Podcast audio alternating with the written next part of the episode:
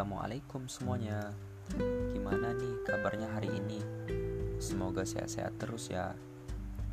Sebelumnya kenalin Namaku Dio Muhammad Alif. Aku mahasiswa Fakultas Syariah Prodi Hukum Ekonomi Syariah IAIN Langsa. Hari ini aku ingin bercerita nih mengenai aktivitasku sehari-hari. Gak terasa ya kawan tahun 2020 sebentar lagi akan berakhir. Banyak sekali sih cerita, suka, duka, bahkan derita yang terjadi tahun 2020 ini.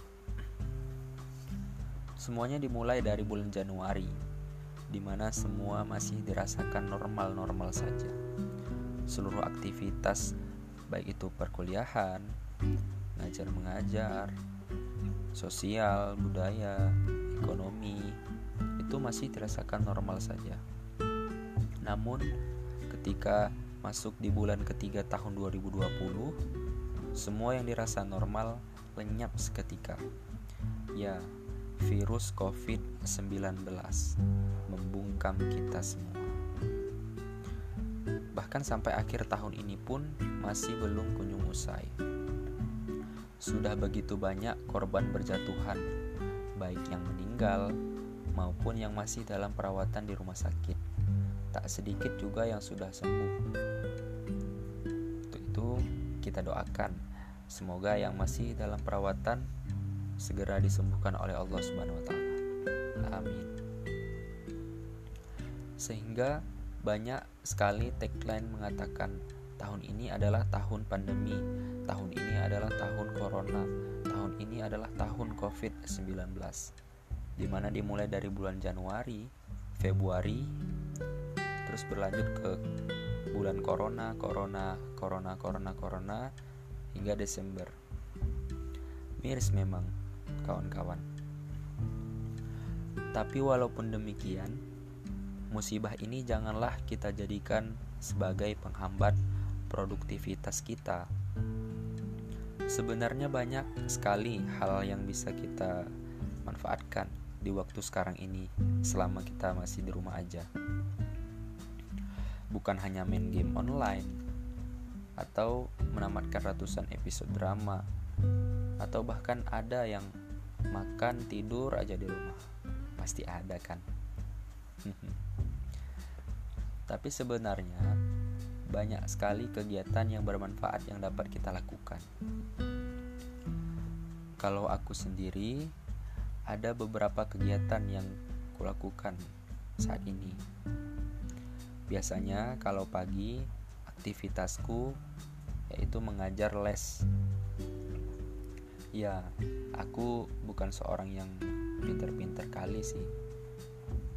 Tapi kulakukan hanya untuk menambah pengalamanku saja.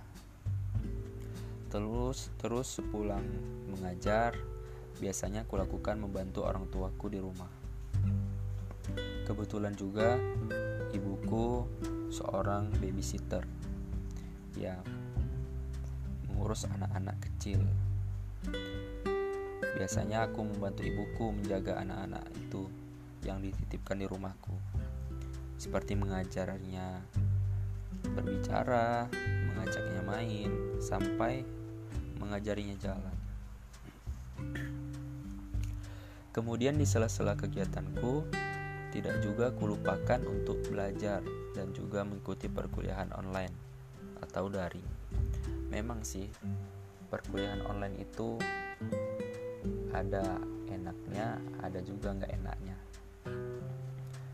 Enaknya itu ya kuliahnya bisa santai-santai sambil ngopi atau ngeteh, atau bahkan ada yang sambil tiduran. Kalau nggak enaknya, terkadang perkuliahan online ini terkendala dengan jaringan. Kalau teman-teman yang tinggal mungkin uh, agak rumahnya agak di pedalaman, sulit untuk mendapatkan sinyal.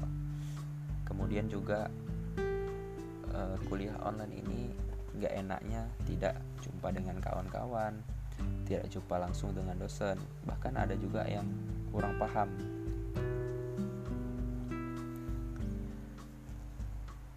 Terus kalau aktivitasku kalau malam biasanya setelah sholat isya biasanya aku berjualan bersama kawan-kawanku. Ya berjualan kartu internet dan pulsa. Itu kami lakukan hingga larut malam. Ya hanya untuk uh, iseng-iseng saja sih nambah pengalaman dan, dan nambah uang jajan. Begitulah aktivitasku. Bagaimana aktivitasmu? Intinya dari cerita singkatku ini bahwa semua yang kita lalui saat ini merupakan fase di mana Tuhan sebenarnya ingin melihat kita seberapa tangguh diri kita seberapa kuat diri kita dalam menghadapi ujian ini dan seberapa produktif kita dalam menghadapi masalah serta musibah ini. Untuk itu, marilah sama-sama kita memperbaiki diri kita, meningkatkan keimanan dan ketakwaan kita, serta mengerjakan segala bentuk kegiatan yang positif dan bermanfaat. Itulah cerita dan aktivitasku sehari-hari. Terima kasih semuanya yang udah nyempetin buat dengerin ceritaku. Sampai ketemu lagi di lain waktu. See you. Wassalamualaikum warahmatullahi wabarakatuh.